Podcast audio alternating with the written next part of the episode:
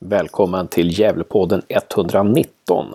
Den här gången bjuder vi på en 45 minuter intervju med Marcus Mackan Bengtsson, Gävles huvudtränare 2019. Gävle Herrars A-lags tränare 2019 ska jag säga. Jag heter Hasse Carstensen. Jag åkte upp till Gavlevallen och pratade med Mackan. Därefter så lät jag fyra stycken personer, eh, Josef, eh, Daniel Johansson, Patrik Severin och Andreas Ström, lyssna på snacket med Mackan. Så att efter intervjun med Mackan kommer en lika lång analys av Mackans prat. Därefter så tippar vi, eller slutligen så tippar vi dagens, fredagens första träningsmatch mot Sundsvall. Hur tror vi att den kommer att sluta? I söndags var det meningen att jag och Josef skulle åka från Växjö till Kalmar för att prata med Elin Berlin, Piotr Johansson och York Rafael. Men vad hände? Jo, det kom 3 decimeter snö i Växjö och det blev klass 1-varning och man ombads att inte ge sig ut på vägarna.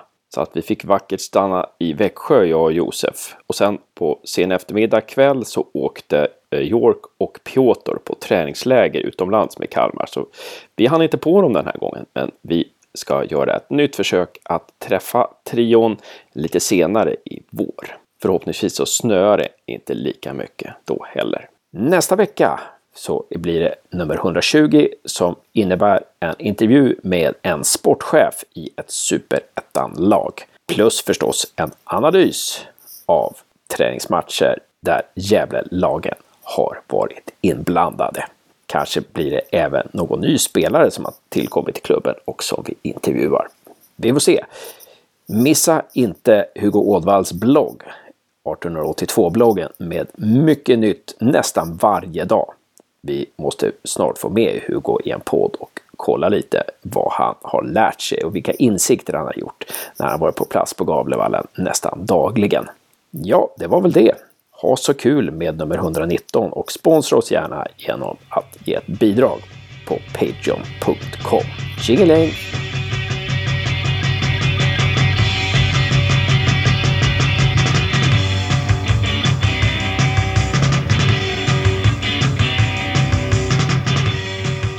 Välkommen till Gävlepodden. Efterlängtad. Tack, tack. Mackan Bengtsson. Tack så mycket, tack så mycket. Och vi sitter här, det är tisdag kväll och vi sitter här i Gävle IFs lokaler. Det var lite konstigt att komma för det var nersläckt i de första rummen sådär. Betyder det att ni inte hyr dem eller? Uh, alltså vi, ja precis, nerifrån, den, den har vi stängt ner helt. Vi Mm. har ingen verksamhet alls där, utan nu är det på den här sidan dörren så att säga, vid uppehållsrummet och ner till spelaringången. Mm. Och vi sitter i ett, eh, ett litet rum här, eh, fint rum, och det ligger, eh, det ligger två stycken fotbollsplaner i miniformat framför oss här. Vi har också koll, vi har ramlat på akademin, damakademins nya tränare där, får vi prata med någon gång. Men med just det här med att ni, ni, ni måste tajta till det lite så här. Hur märker du det, bortsett från spelarbudget och sånt där, hur märker du liksom att, att det blir tajtare gift med ekonomin? Nej men eh, det, det är väl dels det och sen eh, li, lite färre stötteapparater liksom. Jag, när vi flyttade upp till Gavlevallen så var vi en ganska rejäl styrka människor med, som ändå jobbade oerhört hårt och inte riktigt alltid hann med. Nu har vi exakt samma arbetsuppgifter egentligen, men vi är ännu, ännu färre personer så att det gäller verkligen att, att få struktur på dagarna och eh, vara ganska selektiv i vad, vad man behöver göra och vad man kan vänta med att göra helt enkelt. Betyder det att du har lite mer fler arbetsuppgifter eh, den här säsongen eller? Men man kan säga som sagt igen, när vi flyttade upp då hade vi Hasse, det var Tompa, det var Roger, jag jobbade, vi hade även Eva, Danne, Sassa.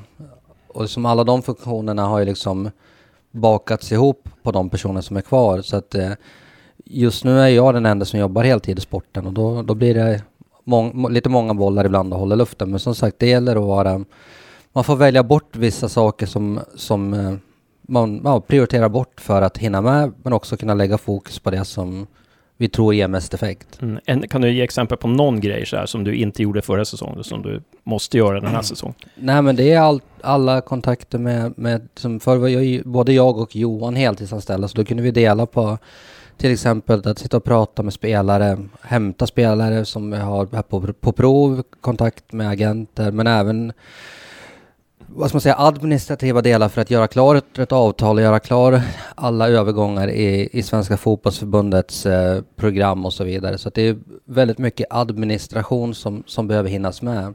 Men även att hinna titta på spelare, men också inte glömma bort de spelarna som vi har, för det är återigen de absolut viktigaste. Ja, precis. Och vi kommer in på det här med scouting och sådär.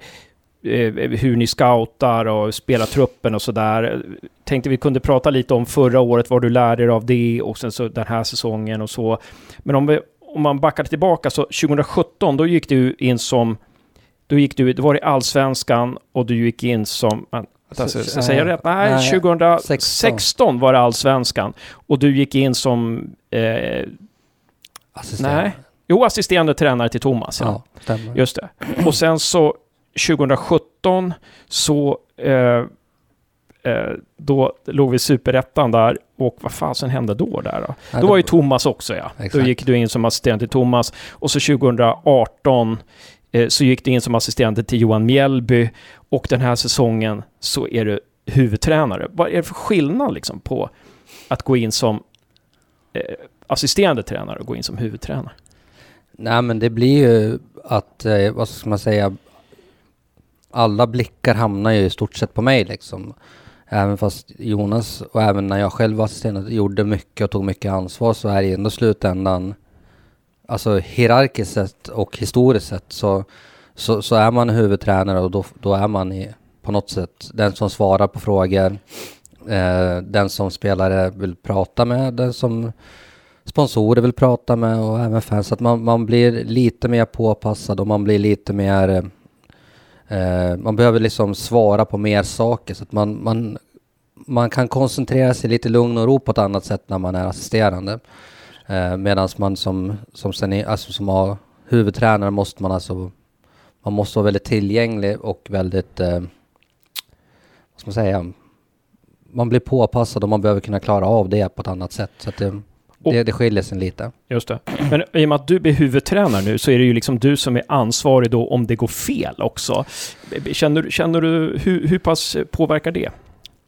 Nej, alltså det är väl klart att man, man känner av en annan, en annan typ av... I, I och med att jag hamnar i fokus så, så, så känner jag av det. Sen så tror jag inte att jag funderar så mycket på det i vardagen liksom, utan det är ju sen när, när matcherna drar igång men också när frågorna kommer så blir man mer påpassad. Men jag har nog inte funderat sådär fantastiskt mycket på det. Mm. Hur pass mycket har du kontakt med andra tränare i Superettan, Allsvenskan, Division 1? Sådär? Nej, men det är, det är väldigt tajt. Det är, det är dels sådana som det har gått kurser alltså under alla de... Alltså jag har ju varit U17-tränare men ändå haft kontakt med A-tränare i och med att man har gått kurser under tio års tid. Så att vi är väl sju, åtta personer som, som man har ganska tät kontakt med nästan veckovis. Och sen så när man pratar om olika spelare så, så, så känner man de flesta liksom personerna i klubbar. Och det, det, det, blir väldigt mycket fotbollssnack. Ja. Vad blir det när du pratar med dem veckovis? Spelare, bortsett från spelare, vad kan det röra sig mer om? Allt ifrån um, någon kanske ringer och frågar, ja men hur, hur lägger ni upp er fysiologiska träning? Eller någon funderar på, eller jag kanske skriver till någon att jag, jag tittade på era match igår liksom så här. Det var bra, bra match liksom. Och så, sen är det igång snacket liksom. Så det kan vara allt ifrån olika sätt att spela till träningsupplägg men oftast så är det spelare och är man väldigt nära varandra så är det också hur man mår i övrigt så att säga. Mm.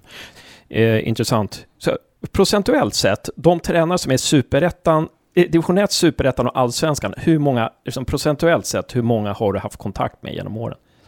Oj, det är jättesvårt att säga. Det, det byts. 80 procent? Ja, det kanske inte riktigt så mycket, men på något sätt så har man väl touchat vid de flesta i alla fall. I, i båda nivåerna i och med att vi har varit på ena och åkt igenom den andra så att säga. Mm. Det är väl kanske division 1 som eh, man inte haft riktigt lika mycket kontakt med eftersom inte under min aktiva karriär som tränare har vi, har vi varit i division 1 så att säga. Man kan ju tänka sig så här att Kralj kom genom, genom Georgsson till exempel, att det kanske var en sån kontakt. Att... Ja, och Danne. Dan Andersson. Okej, okay, just det. Okay. just det, ni gick också ja. ihop.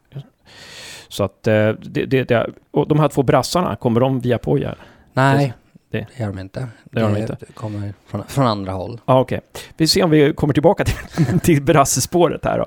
Eh, men men om, vi, om vi ska gå tillbaka här då. När du har gått, när du går tillbaka och analyserar 2018 där, eh, som antar att liksom du och ni har analyserat 2018.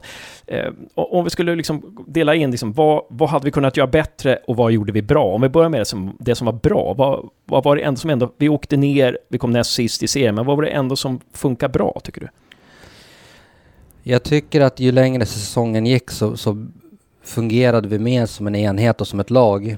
Eh, sen så kan man ju, alltså vi åker ur men det är ändå väldigt många spelare som spelar på, som har kommit till en hög nivå så att att spelarna har fått en väl, väl fungerande utbildning både fysiologiskt och så vidare gör ju att de, ja, Bajrovic spelar i högsta ligan i Grekland, vi måste vara en av de mest sensationella övergångarna i, i liksom, modern historia för Gävle IF. Liksom, att någon går till utomlands till en högsta liga som ändå är ganska högt rankad. Och sen så är det väl, jag tror vi är, om det är sex spelare totalt som går till en högsta liga. Så att spelarutvecklingen gick i rätt ordning, eller som, det tog sig så att säga. Sen eh, så känner vi som lag och jag tror spelarna i gruppen också kände att det blev bättre och bättre ska man säga, sammanhållning i gruppen och vi blev mer, mindre och mindre spretiga. Jag tror väldigt många spelare har lärt sig vad som behövs. Trots att man är ung så behöver man lära sig vissa saker som gäller lagets sätt att vara och det tror jag att vi fick kanske liksom poletten trillade ner lite väl sent kanske men för de här killarna över tid så kommer det vara väldigt bra. Sen vad vi kunde ha gjort bättre det är ju det är alltid det lätta att, att komma på. Det är allt från vilka spelare som, som kom in i truppen. Eh, och då tänker jag inte bara på deras sätt att spela utan även hur... Man kan säga så här att även fast det är liksom, Om man ska laga mat, i så skämtsamt sagt, så kan man ju ta massa goda ingredienser. Men det blir kanske inte så jävla bra om du lägger i samma tallrik liksom, utan du behöver... Det behöver vara balans i det och det behöver liksom... Vad ska man säga? man, det, det, ska smaka bra ihop liksom. Det ska binda sig. Och där tror jag att vi inte riktigt lyckades, eller det gjorde vi inte, utan vi hade spelare som var duktiga, men de kanske inte passade in på rätt, i rätt tallrik så att säga. Mm. Liksom, själva bygget blev inte bra. Spelarna var bra, men bygget var inte... Som krackelerade lite här och där. ja, att, de tog kanske inte fram det bästa hos varandra. Ja, eh, utan eh, det, det gjorde att vi kanske slet mycket med att komma, komma rätt på det istället för att kanske vara lite mer i harmoni och lite mer i balans helt enkelt. Just det. Sen så i spelet finns det ju massa saker att jobba med liksom. Och det är ju som sagt, när man tittar tillbaka på säsongen så är många matcher ganska jämna mellan straffområdena. Men eh, när man tittar på Antalet avslut i och runt straffområdet där matcherna avgörs så, så var inte vi tillräckligt bra och varken i offensiv eller defensiv riktning och det får vi dra lärdom av, absolut. Mm. Det var ju, vi hade ju lite otur också med avstängningar. Vad Josefsson påminner mig igår eller förrgår om att den här avstängningen på Adam kan ha blivit lite kostsam för oss i, i Svenska Kuppen till exempel. Vi hade någon avstängning och skador också inför, tror jag, Värnamo borta också. Så att, eh, ja, så att, som påverkade oss då. Men det är klart, det kanske, det kanske alla lag har. Men, ehm, ja, bra. Eh, så så, så truppbyggen där då. När, när det gäller förberedelserna förra säsongen då? Alltså nu, nu är vi åter här igen med jävla massa snö och kyla och vi kan inte åka utomlands och sådär. Hur, någonting i förberedelserna som du, bortsett från lagbygget där, som du känner att uh, vi kan lära oss av eller bli bättre på? Jo, men det är, det, det är klart att, um, att komma iväg på ett läger gör ju att vi utsätter varandra för att träffas väldigt, väldigt mycket och på så sätt så utmanar vi varandra liksom och får utmanas i vad, vad är okej okay för dig, vad är okej okay för mig och man kommer liksom man kommer varandra väldigt nära. Det är som åka till Cypern i, i liksom slutet av januari, början av februari kan ju låta jävligt härligt, men det finns inte så mycket att göra mer än att umgås. Och det, det ska man inte underskatta. Så självklart, och en hel vecka där man vet att planen är funktionell liksom. Det är klart att det är oerhört bra om man kan få till. Eh, även planen, vi hade väl en del tränare som är i hallen.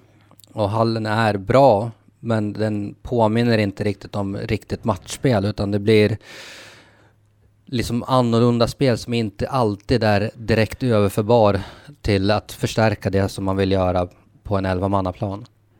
Jag vet inte om du hörde Anders Båt, men när jag intervjuade honom, då sa han liksom att här, sista året med Roger, då blev det liksom att vi, att, att eh, att han upplevde att truppen kom i tidsnöd. Det var så dåliga förberedelser och att 0-5 mot Halmstad borta på lägret och sen liksom det, blev det, ja, att det blev ett jagande hela tiden sådär. Är det risk, någon risk med det nu när det liksom första träningsmatchen eh, blev inställd och sådär? Hur känner du inför det?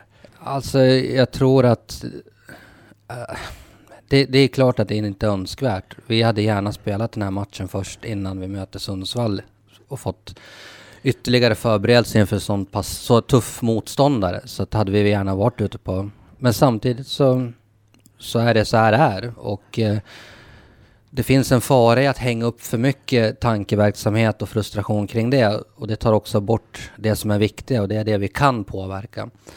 Och jag vill helst inte hamna i en situation där jag ska skylla bort på att det är någonting annat som inte stämmer utan då är det jag som har tappat fokus på vägen. Så jag vill gärna att vi, vi håller oss till det vi kan påverka och sen så kan vi påverka någonting till att bli bättre så ska vi självklart göra det. Men annars så är det gräv där man står helt enkelt. Ja. Jag var ju nere i Växjö här hos Josef eh, i helgen och eh, blev skitförbannad när, när jävla Gavlevallen, den här matchen, det, det jädra, jädra aggregaten, de fungerar aldrig. Så kom jag till Gävle igår kväll och såg de här enorma högarna med snö. Liksom. Okej, okay, okay, ja, det, kanske, det kanske var förståeligt då. Um, uh, man får ett annat perspektiv på det då. Men, men jag tänker också på det här med uh, Alltså, rätta mig om jag har fel, men jag tycker alltså det som, som sänkte oss, om vi tar Värnamo borta då, där vi liksom, ja, där vi förlorar den här niopoängsmatchen nästan, känns det som, kändes som att vi ägde den matchen. Vi var det bästa laget och det säger ju alla man pratar med som, som var utifrån och tittade på den här matchen. Fasen jävlar var det bästa laget. Men vårt försvarsspel liksom funkar inte. Det var eh, liksom att, att det, det räckte med att de lyfte in några bollar liksom. Så, så. Och det var lite så jag kände också, att vårt försvarsspel var liksom svagheten lite. Det här med Frej hemma, vi spelar 0-0 borta, men hemma så spring, känns det som att de springer igenom oss och Marcus Hansson sa efteråt liksom, ja Gävle gav oss precis de ytor vi ville och hur ser du på det där med försvarsspelet förra året? Eh, nej men alltså det, är, alltså det går inte att säga någonting annat än att vi, vi släppte till för, för mycket mål. Sen så ska man ju som... När man tittar nyanserat på det så är det i Frej-matchen så, så, tar vi ledning med 2-1 och, och, har en ganska bra period. Men man ska också komma ihåg att när man ligger där man ligger så har man ingenting är självklart på, på samma sätt som det är när man ligger i andra delen. Som Falkenberg hemma här också som en, en bra match från våran sida men för dem så är det så bollen kommer in och så, ja vi gör mål. Och så är vi ganska självklara i vårt försvarsspel. Men jag tror att det finns en stress i att liksom jaga hela tiden. Att vi måste vinna den här matchen, vi måste vinna den här matchen. Men jag tror också att vi... Vi, har, vi hade ett problem med att vi fick inte stopp i tid. Vi hamnade med hela laget ganska djupt ner och tittar man på de målen vi släpper in så är det väldigt, alltså ganska många mål där vi är fler försvarsspelare än, än vad de är anfallsspelare i egen box. Och det är ju inte bra nog liksom, utan där behöver vi jobba än hårdare, även fast vi jobbade väldigt hårt även förra året också. Ja, Men där, där hade vi en svaghet, likväl som att vi hade faktiskt väldigt många miljö, alltså chanser till att göra mål. Dels rena mållägen men också den där sista passningen som skulle leda till ett, en eventuell målchans. Och det är vi återigen mellan straffområdena det avgörs och där, där var vi inte tillräckligt bra förra året. Ja, det kändes ibland som att vi inte var tillräckligt aggressiva. Alltså vi, vi väntade in motståndarna istället för liksom... För jag, jag, visste inte var... När jag såg så såg jag inte var pressen skulle vara. Jag tyckte inte vi pressade motståndarna till misstag, liksom, utan att vi väntade in dem mer. Vad säger du om det? Jag tror att, eh, alltså, jag, jag, tycker att det ändå är rätt många matcher där vi, där vi våran kollektiva press högre upp är ganska bra. Men ju lägre ner vi kom, desto mer mindre bra blev den helt enkelt.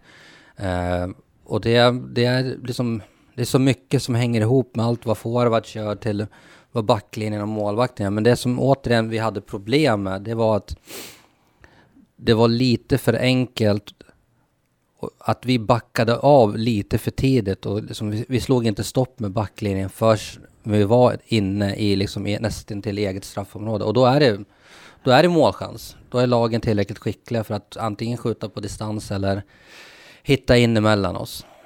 Mm. Om vi kommer, jättebra, tack så, tack så mycket. Om vi går över till den här säsongen då, vad, vad säger du, vad, kan, vad kommer du liksom jobba med, vad kommer ni jobba med rent taktiskt?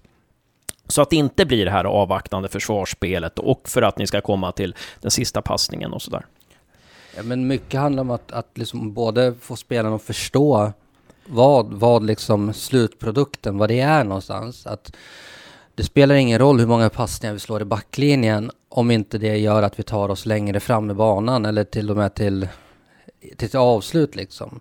Så det, vi har jobbat fram egentligen den här modellen som ligger framför oss för att åskådliggöra det för spelarna och för att vi ska kunna använda den till att egentligen utvärdera träningen. Att hur många gånger är vi i varje zon och på så sätt kunna se är vi i ena zonen, har vi bemanning i nästa zon för att, för att ta oss framåt och samma sak i försvarsdelen också kunna ut, jobba vidare för att se vart, vart felare. Och för spelarna så tror jag att det här är ett enkelt sätt att kunna titta både på träningar och på matcher och kunna utvärdera det vi gör. Och där är det egentligen två zoner som är viktigare än andra och det, då har vi döpt till goal zone där vi ska göra mål och vi har döpt en till emergency zone där vi måste försvara med, med allt vad vi har. Och det blir ganska så här tydligt när du tränar och så tittar du på klipp efteråt och kan säga så här, hur många gånger hamnade vi i emergency zone? Vad berodde det på? Eller hur många gånger var vi i goal zone och vad var det vi gjorde för bra? Så att mycket handlar om att liksom kunna dag ut och dag in tjata egentligen in de här sakerna som gör att vi kan förebygga så mycket som möjligt. Sen handlar det också om att laget behöver göra det här tillsammans. Eh, vi kanske hade jättebra första press, men nästa press var inte så bra. Eller vi någon gång hade jättebra uppflyttning från några spelare, men inte andra. Så att vi kommer behöva göra allting väldigt mycket kollektivt. Och då gäller det att vi får ihop gruppen också. Just det. Kände du att förra året att det inte var kollektivt hela tiden? Nej, men det var det inte. Utan vi, vi var väldigt många duktiga individuella spelare. Och som ung spelare så är det svårt att ibland hamna i ett kollektiv. Att man, man, mm. kommer, man ska fram till varje pris. Och eh, nu är jag 20 år och nu, nu ska jag gå vidare. Jag kan inte spela Superettan ett år till. Nu måste jag ta nästa kliv. Och den där even är ju fantastisk och den är väldigt bra på mångt och mycket. Men när det är väldigt många i samma typ av situation eller samma typ av sinnesstämning så, så kan det bli lite felbalanserat. Just det. De här två, vi, vi, sitter med två stycken fotbollsplaner i miniformat. De är, de är ungefär som en, eh, ja, en Gävle Dagblad kan man säga. Uppslagen Gävle Dagblad var och en av dem. Den ena är anfallsspel som består av uppbyggnad som är ja, innan precis före mittlinjen och sen så ingång som är precis mellan mittlinjen och motståndarnas straffområde och sen så go golden zone som är eh, ja, mål, vad ska man säga, Ut, ja, utanför mål. tredjedelen kan man väl... Ja, just det. Och så goal zone precis framför målet då. Och den, eh, försvar, den, an, den andra liksom, eh, planen visar då försvarsspelet då som börjar med hög press upp precis utanför motståndarens straffområde. Shape som är ja, runt mittpunkten och sen stopp som är ja, lite utanför eget straffområde och utkanten av eget straffområde och emergency zone som är precis vid målet. Då. Där, så det, det var väldigt intressant att, att få se det här. Eh, ja, men bra att, att ni, ni, ni, försvarade inte och ni, ni eh, anföll inte. Så att lite så här att spelarna spelar lite för sig själva helt enkelt förra året kan man säga. Det Utan att, väl- hård, utan, att, utan att nämna det, någon namn. det, det är väl svårt att säga. Alltså, jag tror att väldigt, eh, upp, min upplevelse är att alla gjorde så Ja. gott Men de inte kunde. medvetet. så- Men det, fann, det fanns någonting som, som gjorde att de inte kanske gjorde det Alltså gjorde man det till 98 procent så, Mm. så kunde vi ändå inte liksom få ihop det helt. Utan det, det är oerhört viktigt att vi gör det tillsammans. Men sen får man också komma ihåg att ett tränarbyte mitt i säsongen, det, det sätter sina spår och det tar sina, liksom, det tar två, tre månader av en, egentligen en försäsong innan ett tåg börjar rulla liksom. Mm. Och sen så, så var det en pressad situation när tåget började rulla också. Mm. Sen hade vi några matcher också som där vi man, man glömmer bort det. Alltså, man kollar på sådana expected goals och sånt där så kan man ju... Hörde du vår med, med Nej, jag tittade, vi har egna sådana Ja, här räkningar. ja. Men det blir också, man måste också tänka på att vi spelade, jag tror vi spelade över en hel match med en man mindre totalt sett alltså. Med eh, Varberg borta, Brage hemma. Ja. Så det var 75 minuter och sen Jesper 20 minuter mot, mot Brage. Och när man hamnar i jakt så öppnar det upp sig lite på ett annat sätt också. Så att man, man får liksom inte heller... Man behöver vara som tränare nyanserad i att allt är inte si och allt är inte så. Utan det finns massa faktorer som påverkar. Och sen så behöver man hitta vad man själv tror är de viktigaste som är mest, vad ska man säga, nyanserade. Som är överförbara till, till det här året. Och man kan heller inte säga att man kan inte bunta ihop förra hösten med den här våren som kommer i och med att jag tror vi är 14 eller 15 spelare som, som lämnar och det kommer ta sin tid att bygga upp en ny trupp så att säga. Ja. Men är, är du ganska klar, du och Jonas, ganska klara över hur vi kommer spela? Eh, jag menar, när, när Poja kom så var det ganska tydligt, ja, ja, vi ska spela eh, 3-4-3 eller, hur- eller hur det blir, 3-5-2 eller ja, 5-3-2 eller vi ska spela med två wingbacks och lite sådär. Hur, hur pass eh, klart har du och Jonas för er hur ni ska spela, uppställningen ska vara och eh, vem som ska göra vad och vem som ska mm, ja, pressa vem och sådär? Jo men det har vi ganska klart för oss. Sen så får vi också, eftersom inte truppen är klar, så får vi också se, alltså vi bestämmer ju till viss del vilka spelare vi får in, men sen kan det dyka upp en spelare som vi inte har räknat med som blir tillgänglig och som har vissa egenskaper och då kanske vi måste göra vissa justeringar. Så att vi, vi har i stora drag klart för oss hur vi ska spela, men vi måste också vara öppen för hur den totala truppen blir. Mm.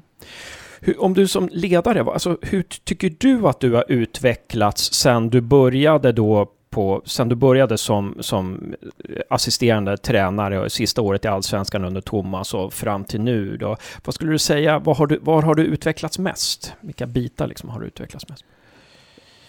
Ja, men alltså man, jag har väl blivit varmare i kläderna och tar för mig ännu mer och känner mig väldigt, som känner mig trygg i att, att både ställa krav men också prata med spelarna trots att de har ganska lång erfarenhet och jag kanske inte har lika lång erfarenhet just för tillfället. Men jag känner mig, man blir tryggare och tryggare i, i rollen liksom. Så att det är väl kanske den största utvecklingsdelen liksom. Mm. Det är, folk, det är folk som har sagt det, man får säga det, folk som har sagt det runt omkring i fotbollsjävle sådär att, att som jämförde dig i början när du var assisterande till Thomas och eh, nu och när du, ja, när, du var, när du kom in under Mjällby, att det var väldigt, att du hade tagit stora kliv liksom i, i, i, i ditt ledarskap så här. Är det någonting du kände själv där? Att, Jag, jag, jag, jag tror inte det egentligen, men däremot så hamnar man i en roll där jag behöver göra det. Jag tror inte att det är inte så att det inte har funnits och jag inte har, har kunnat det, utan det är mer att nu, nu gör jag det för att det, det är min uppgift. Sen såklart så, som jag säger, så känner jag mig kanske mer trygg nu än om vad jag gjorde för ett och ett halvt år sedan eller så. Det, det måste man erkänna. Ja, precis. För, för att som jag och Josef inbillar oss i alla fall, att det, det är ju, jag menar, när, när du, när du, eh, du, du var ju må, må, många i truppen i höstas såg ju dig som assisterande, kan, kan vi inbill, inbilla oss liksom. Och medan nu, nu har ju många försvunnit, nu är ju du huvudtränare, liksom. nu kommer ju de flesta i, i gruppen se dig som huvudtränare. På vilket sätt, ja, vilket sätt kommer det spela in, tror du? Ja, det, det, den största är väl de som är helt nya för, för truppen som de, de kommer väl till en ny klubb, en tränare liksom. Det, jag, jag tror inte att det är så dramatiskt som man, man kanske ibland kan inbilla sig, utan jag tror att det Jag tror att det kanske inte är så stor skillnad, men det som man märker i omklädningsrummet är att du, nu har du möjligheten att sätta en helt ny kultur i, i, i, gruppen och det är viktigt att våra killar som är kvar tar, tar, antar den utmaningen liksom. Och vi har möblerat om i omklädningsrummet för att när, när säsongen började var det inte så många spelare, men då satt ju alla våra unga killar utspridda på, om man nu ska kalla det för juniorplatserna, lite utspridda i hörnen och kanske inte de bästa platserna. Så det var bland de första sakerna de fick göra, det är att liksom ta, ta tronplatserna så att säga. Så att man känner att de som kommer till vårt omklädningsrum kommer till Gävle IF. De tar inte över omklädningsrummet om ja, man säger det. så, utan mm. det får Louie, Adrian och de göra och så får de dela med sig av det de har lärt sig under många år i föreningen och hjälpa till att sprida det arvet vidare. Mm. Det var väldigt roligt att Grace Tanda, när vi pratade med honom, han var mest imponerad av Louis och Adrian. Det var ju himla kul. Ja. Liksom, att, och så var det Gusman i och för sig då. Uh, uh, den spelare vi inte får nämna vid namn. Nej, jag bara skojar. uh, men, ja, men intressant. så att det, det har ju också tagit fram en treårsplan. Skulle du kunna beskriva den här treårsplanen? man ska, man ska mer kalla det ett projekt, men att man som spelare kommer till Gävle IF med inställningen att man är i Gävle IF i tre år. Oavsett om man skriver ett ettårsavtal, tvåårsavtal eller treårsavtal. Man, man, man förlikar sig eller man tänker att nu är jag med på den här resan som, som är i tre år. Och eh, då behöver man dels ha tålamod som spelare. Du kan inte komma hit och tro att du ska göra raketkarriär och, och bara dra. Utan det är viktigt att man skriver under på något sätt bildligt sätt att, att nu, nu hoppar jag på här och jag ska jobba långsiktigt för att bygga upp någonting och vara en del av någonting som är, är lite större än bara just exakt den här säsongen eller det här halvåret. Eh, och där handlar mycket om som sagt igen att få ordning och reda i truppen. Att man trots division 1 hamnar, att vi har en professionell miljö, att vi siktar att ha en miljö som är högre än division 1. Och vi har faktiskt internt liksom stuckit ut hakan och sagt att vi ska ha Sveriges bästa, alltså mest utvecklande miljö. Och då gäller det att vi, att vi jobbar med det och då gäller det att spelarna också varje dag drivs av det. Men också att vi vill komma bort från den här hetsen av att ha väldigt kortsiktiga resultat. Även fast vi vet om att en fotbollsbransch är ganska kortsiktig. Men jag tror vi kan ha hållbarhet i det ändå. Nämn en grej som, som jag tycker är intressant, att Sveriges mest utvecklande med miljö. Nämn en grej som är, som är väldigt viktig, en detalj som är väldigt viktig där, för att man ska känna det. Att det... Ja, men det är dels att alla ska känna att vi, att vi prioriterar lagets utveckling före någonting annat. Och eh, det är en sån sak som kommer vara också ett mantra, liksom att man kanske pratar mycket vanligtvis om att man ska titta på den enskilda spelarens utveckling. Vad ska han eller hon göra för att bli bättre? Det här handlar mer om att den dagen jag börjar titta på vad jag kan göra för laget, då kommer jag tvinga den som sitter mitt emot mig att göra bättre saker. Och när jag tvingar den personen att göra bättre saker så måste jag höja mig för att hänga med i det tempot. Istället för att tänka att jag ska få massa saker och jag ska utveckla och tränaren ska utveckla mig så vill jag att spelarna känner att de tar ansvar för lagets utveckling. Och när de gör det så kommer också, eh, då är min starka övertygelse att spelarens egna utveckling hänger med och spelarna tar mer och mer ansvar. Mm. Intressant, för ni har ju påpekat mycket från Gävle IF, David också, att, och Malin också, att det, vi ska ta hit de som verkligen vill spela för Gävle IF. Eh, är det, vad betyder det? Nej men dels att man, tyck, att man har en, en, när man kommer hit och får allting presenterat till för sig så kan man ju göra ett aktivt val. Att vill jag vara en del av det här projektet och vill jag vara en del av, av den här miljön ja då, då är det så liksom. Men att vi, vi, vi är väldigt mån om att alla spelare ska känna att det här är en bra miljö för mig och jag kan bidra med lagets utveckling med mina egenskaper. Och eh, så att återigen, kommer man hit så ska man i alla fall i sitt eget huvud och för sitt inre se att man är här i tre år. Mm. Och sen så kanske vi spelar elitfotboll inom ett år eller två år eller tre år. Antingen gör jag det med Gävle eller så gör jag det tack vare Gävle och, min, och lagets utveckling. Just det. Och Eh, jag, glömde en följdfråga på det här, men du sa att du och Jonas är ganska klara över hur ni vill spela och sådär nu. Kan du ge exempel på någonting som blir annorlunda i spelet jämfört med förra året, jämfört med höstsäsongen förra året? Jag tror att de högst, högsta, del, eller som säga, högsta topparna kanske kommer mer frekvent och att vi blir lite mer balanserade i vårt försvarsspel. Men jag tror att det kommer att se ganska snarlikt ut, men det är andra spelartyper. Kan du ge något exempel så här, liksom rent praktiskt exempel från att, att, att äh, kommer vi spela med wing, wingbacks eller hur? Är det någon organis liksom praktisk organisation, någonting som Nej, kommer vara annorlunda, kommer, som du har sett var dåligt förra året, som kommer göra bättre nu? Eller, Nej, på, det, eller ändra nu? Eller? Jag tror inte det, man kommer att titta på antalet spelare som är i backlinjen eller hur många centrala mittfältare, om det är en eller två forwards, utan det kommer mer vara att vi jobbar med våra vad vi nu ska kalla det, 4-5-1 eller 4-3-3 som utgångsposition. Men min förhoppning och känsla är att vi kommer göra det mer, återigen, som, som en enhet i båda riktningarna. Det kommer vara förhoppningsvis ett ännu tydligare lag. Sen så kommer det som över tid bli ännu mer spetsigt liksom. Men jag tror inte man kan säga att det här kommer det se annorlunda utan jag tror mer att vi kommer se mer sammansvetsande ut som, som mm. lag. Mm. Det är min förhoppning. Ja, jätteintressant. Nu har ni ju mindre trupp än tidigare. Nu är ni bara 13 sådär och ni ska ju bli fler. Och du sa i intervjun med Hugo här eh, att eh, det kan till och med bli sex spelare till då, 19 manna trupp. Då. Men ni har mindre trupp än tidigare. Liksom, hur, hur påverkar det truppbygget? Alltså, vad behöver man tänka på när man bygger truppen om man har en mindre trupp? Nej, men alltså, dels så behöver man kanske titta på några spelare som är multikompetenta, eller vad man ska kalla det. Så om vi tar Frej som exempel, och som kan spela på fler än en position. Eh, Lo är också en spelare som kan både spela på mitten och som vänsterback. Eh, Kevin kan också spela på flera olika positioner. Så att det, det gäller dels att ta in experter, men också spelare som kan hantera flera situationer utifrån att truppen är smal. Grace har spelat yttermittfältare tidigare också så att det gäller att vara lite finurlig med, man kanske inte bara kan hitta en renodlad vänsterback eller en bara en renodlad ytterback utan man kanske behöver ha lite erfarenhet från fler positioner. Just det. Men eh, och sen så sa du till Hugo som, som gjorde en jättebra intervju och du svarade jättebra, eh, som vi hade i för, förra podden förra veckan, att, att, eh, att vi, ni kan fylla på med juniorer då om, ja, om ni skulle behöva så här. Men är inte det lite så här, i och med att truppen är ganska ung redan, om ni redan har några juniorer i truppen, blir inte det liksom lite de kan ju fylla på på träning, men de kan knappast fylla på när det gäller i match, eller hur ser du på det?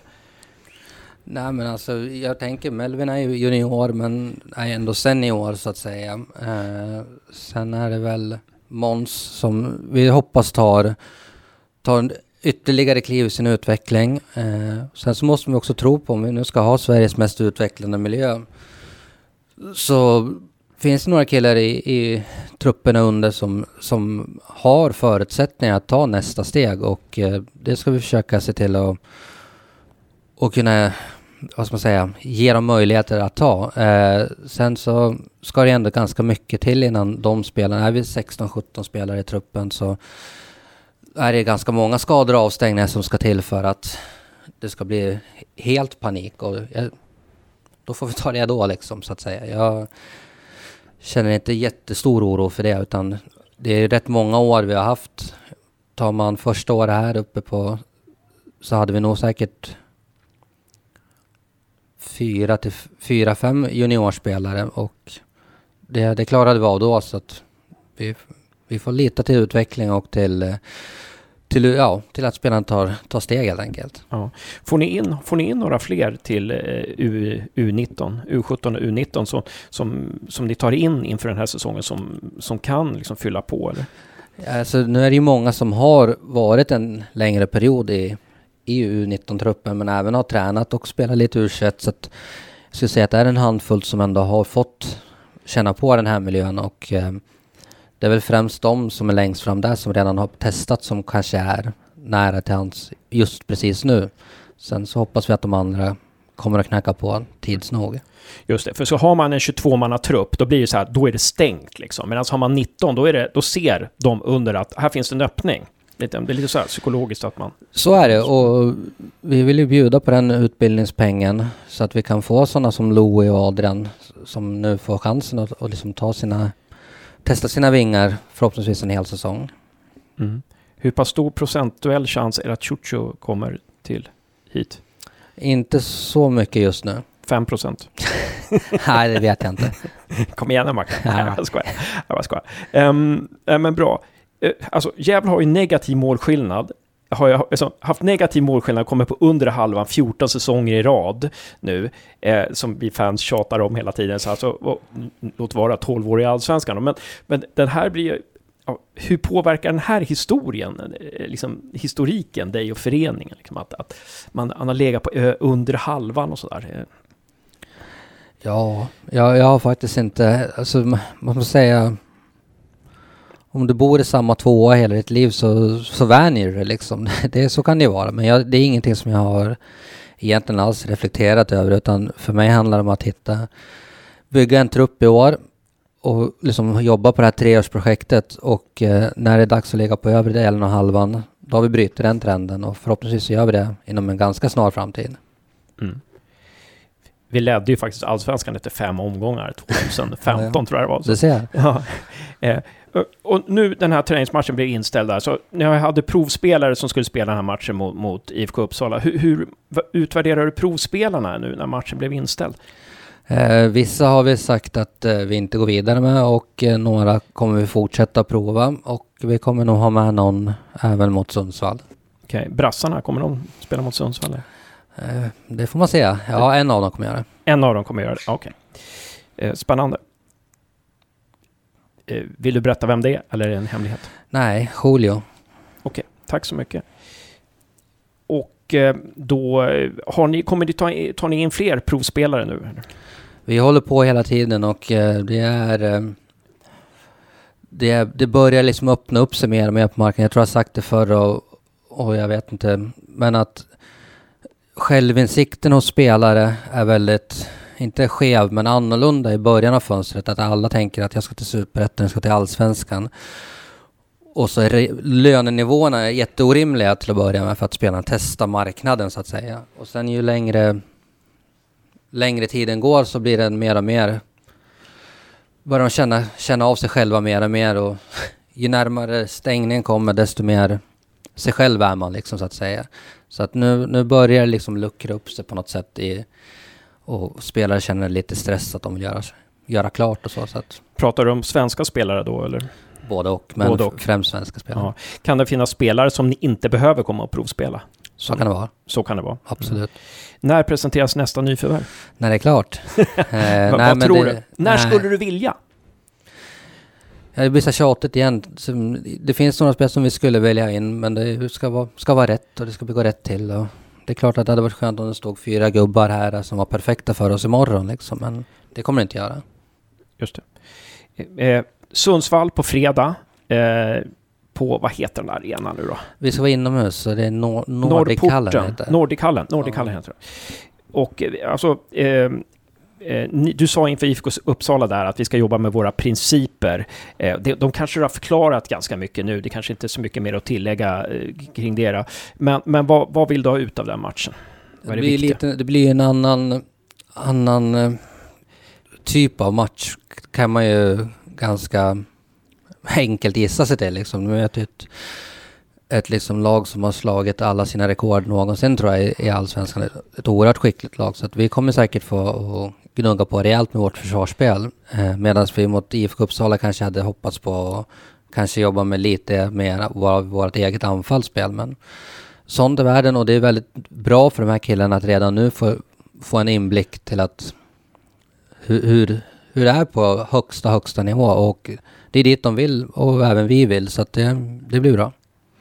Just det kommer, i och med att Uppsala blir inställd, kommer det, den matchen, kommer ni ta igen den matchen? Kan det bli att man ni lägger in en till match mot svagare motstånd? Nej, liksom, nej, det kommer inte in i schemat. Det blir inte bra belastningsmässigt. Ja, just det. ja men bra. Eh, Eh, har, du, eh, har du någon kontakt med Johan Mjällby?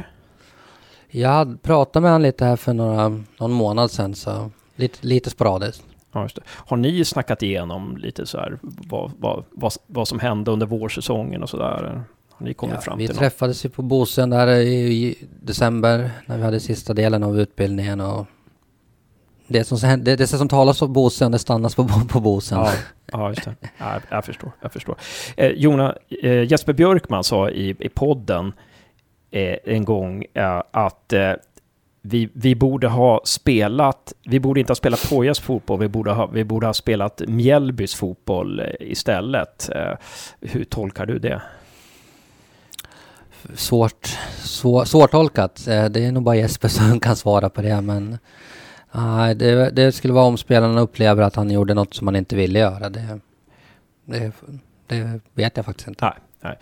Um, en sista fråga som, som du, när, när jag pratade med en BP-tränare för några veckor sedan som sa så här att i BP, så jag skrev det på forumet också, i BP så, så, eh, så pratar man om eh, tydligen liksom en etta mittback och tvåa mittback. Och han sa liksom att Fällman var en etta mittback, eh, till exempel. Wikström var en etta mittback som liksom minimerar sina misstag, styr backlinjen, minimerar misstagen, medan tvåa mittbacken tar större risker.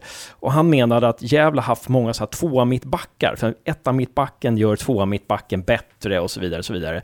Eh, är det, så, jag tänker också på Norrköping som gick så jäkla dåligt året innan de vann SM-guld. Och så tog han ner Andreas Johansson på mittbacken, Jan Andersson, och sen bara vann de rubbet i nästan. Um, det, ja, har du funderat i de där termerna någonting? Nej, men det brukar oftast ge sig liksom ganska...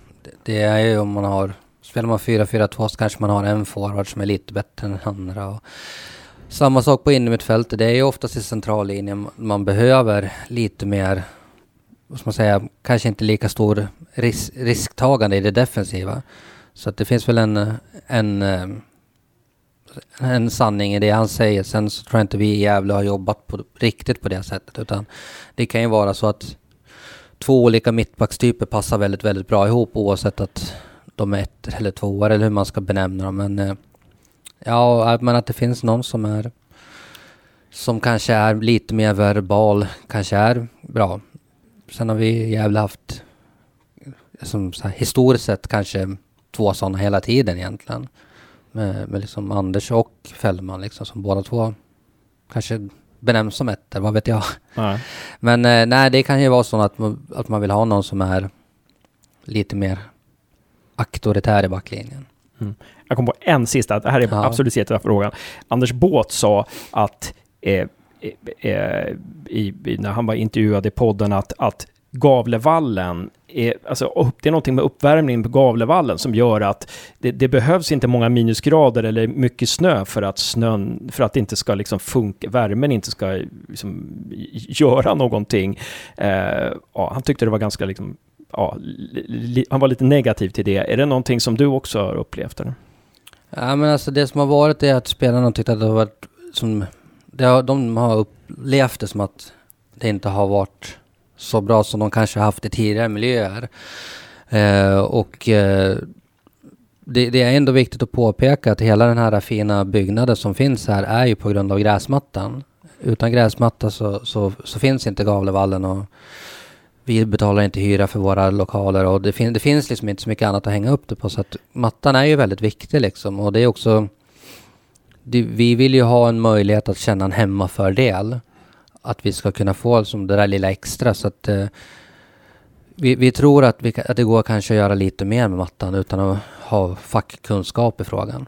Har ni pratat med kommunen om det här? Eller? Det är en diskussion som är, som är ganska ständigt pågående. Det är så? Ja.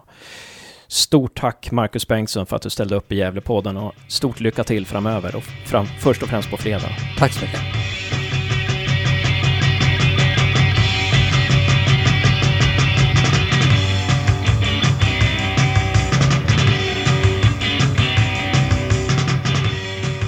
Välkommen till Gävlepanelen hälsar jag fyra stycken röster den här gången plus mig själv. Jag heter Hasse Karstensen och jag börjar hälsa välkommen till Josef. Tack så mycket. Du sitter i Växjö Och eh, hur är eh, fotbollstemperaturen i Växjö? Fotbollstemperaturen i Växjö, det, den är skapligt bra med tanke på att Växjö DFF spelar allsvenskan även nästa år och att eh, Öster går mot en ny säsong här. Så det känns, eh, känns spännande här nere i alla fall. Tack! Välkommen hälsar jag också till Andreas Ström.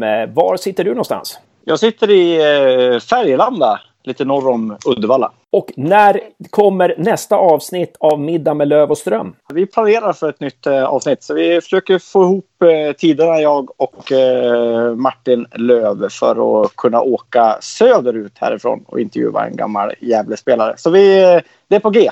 Och vi hälsar också välkommen till eh, Daniel Johansson som sitter på Brynäs, precis som jag. Hur är läget på Brynäs, eh, Daniel? Det är bra. Jag, jag, jag är mätt och glad.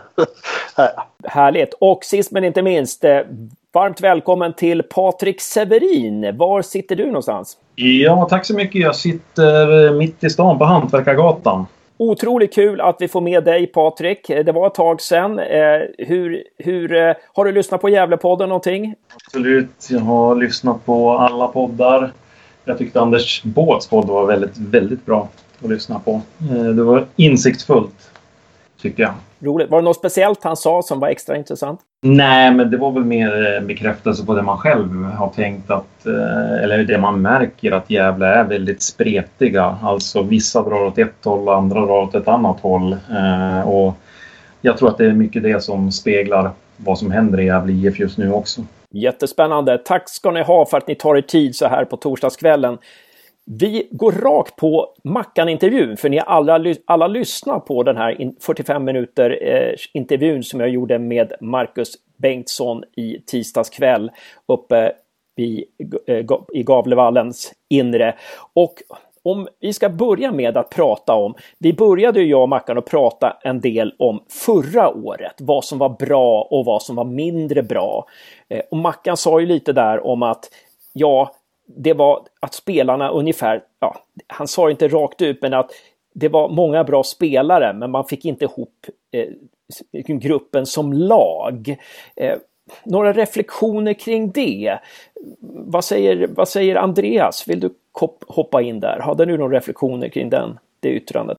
Jag tycker att han är, alltså att han är mer, eh, om man ska säga ärlig eller att han är mer eh, klarsynt i den här intervjun än han varit innan. Liksom. Och han, jag tycker att han ändå förklarar på ett ganska bra sätt vad han... Det känns som att han har tänkt igenom det här mer än man har gjort i intervjuer innan. Mm. Och tänkte du just då när det gällde analysen av vad som hände förra året, eller? Ja, att de inte liksom... Han, han säger att det, eh, det finns mycket talang i, i spelarna men att de kanske inte fick ihop det som som grupp och att vissa spelare kanske var någon annanstans än, än i tanken lite längre fram i sin karriär än att de var precis där i, i Gävle och, och låg pyrt till i, i superettan. Några tankar från er andra kring det här, det, Mackans analys av, av eh, ja, det, det negativa förra året. Han sa ju också någonting det här, jag pressar honom lite på det här med försvarsspelet också, att jag inte tyckte att försvarsspelet var så väldigt bra och han sa att man föll tillbaka lite för mycket där i försvarsspelet. Eh, några reflektioner som han, när han, när, om Mackans prat om spelartruppen, eh, att spretigheten och, och, och försvarsspelet där. Eh, vad säger Danne? Jag håller väl med honom om hans egna analys också. Att det är liksom i, i boxarna, både offensivt och defensivt, som, som, som det inte funkar. Och det, det blir så här, det är det som är fotboll, liksom. Att man ska göra mål och man ska släppa in lite mål. Så att jag, jag vet liksom inte heller när man när han pratade om det här att spelet på mittplan eller där var vi jämna liksom. Det, det, för mig spelar inte det någon roll. Det, det känns som att eh, man vill på något sätt också kanske ursäkta ett dåligt spel. Ja, men vi var bra på det här, men vi sög på resten. Liksom. Men det, det, är i alla fall bra att han har en självinsikt. Tyckte du att han var lite för positiv, eller? Ja, ja, ja det, jag tycker det. Jag, jag, tycker det är liksom... Den minusstatistiken vi hade, alltså det, den talar för sig själv. Liksom. Det, det, det, går inte att titta på förra säsongen med någon med, med positiva ögon. Alltså, det går inte att göra det. Sen, sen vet jag inte hur, hur mycket han kan säga heller. Alltså det är det som är... Det, vi, vi, är ju känslosamma. Vi har ju, det, vi har ju rätten att vara det och vi kan ju titta 100% kritiskt på saker liksom. Så... Nej, men jag vet inte. Jag, jag, tycker inte man kan titta på någonting från förra året och säga att det fanns någonting positivt, för det fanns det inte. Patrik Severin, vad säger du om, om Mackans analys av förra året? Ja, jag håller ju med naturligtvis. Det, det vi pratade om eh, många gånger förra året var ju att vi var ju typ seriens sämsta lag i båda straffområdena. Eh, och det, den insikten har ju Mackan också. Sen så är det ju intressant det här som vi säger att eh, vi hade eh, individuell talang men vi fick inte ihop det som lag. Men i mina ögon så när Mackan säger liksom att de unga spelarna måste vara här och nu eh, och liksom ta ansvaret för Gävle IF. Men det är ju upp till ledarna också att få ihop det som ett lag. Eh, där måste man ju titta sig själv i spegeln. Vad, vad gjorde man för fel? Alltså titta på eh, spelarna som har försvunnit nu. Hur många, hur många lag har spelare som när man åker ur superettan så kliver flera upp i allsvenskan? Eh, Leo Bengtsson kom in på lån gjorde inte speciellt mycket, får ett treårskontrakt av Hammarby. Alltså, det finns ju mycket där. Och var sitter de problemen någonstans? Det kan man ju också ställa frågan då i, i samma veva om vi tycker att vi har talangfulla spelare men inte får ihop det som lag. Det tycker jag faller mycket på ledarskapet. Både kanske i truppen men även på sidan om.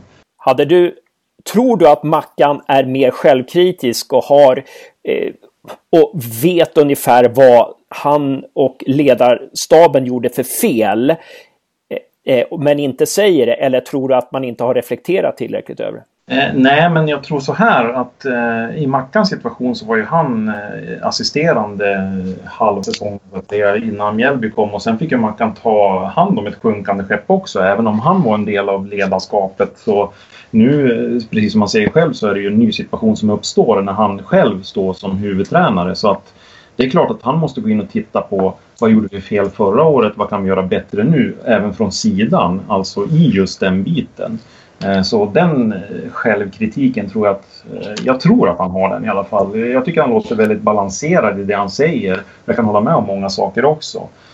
Men man måste titta liksom, Gävle är så spretiga och har varit det under en längre tid. Där man har dragit åt olika håll.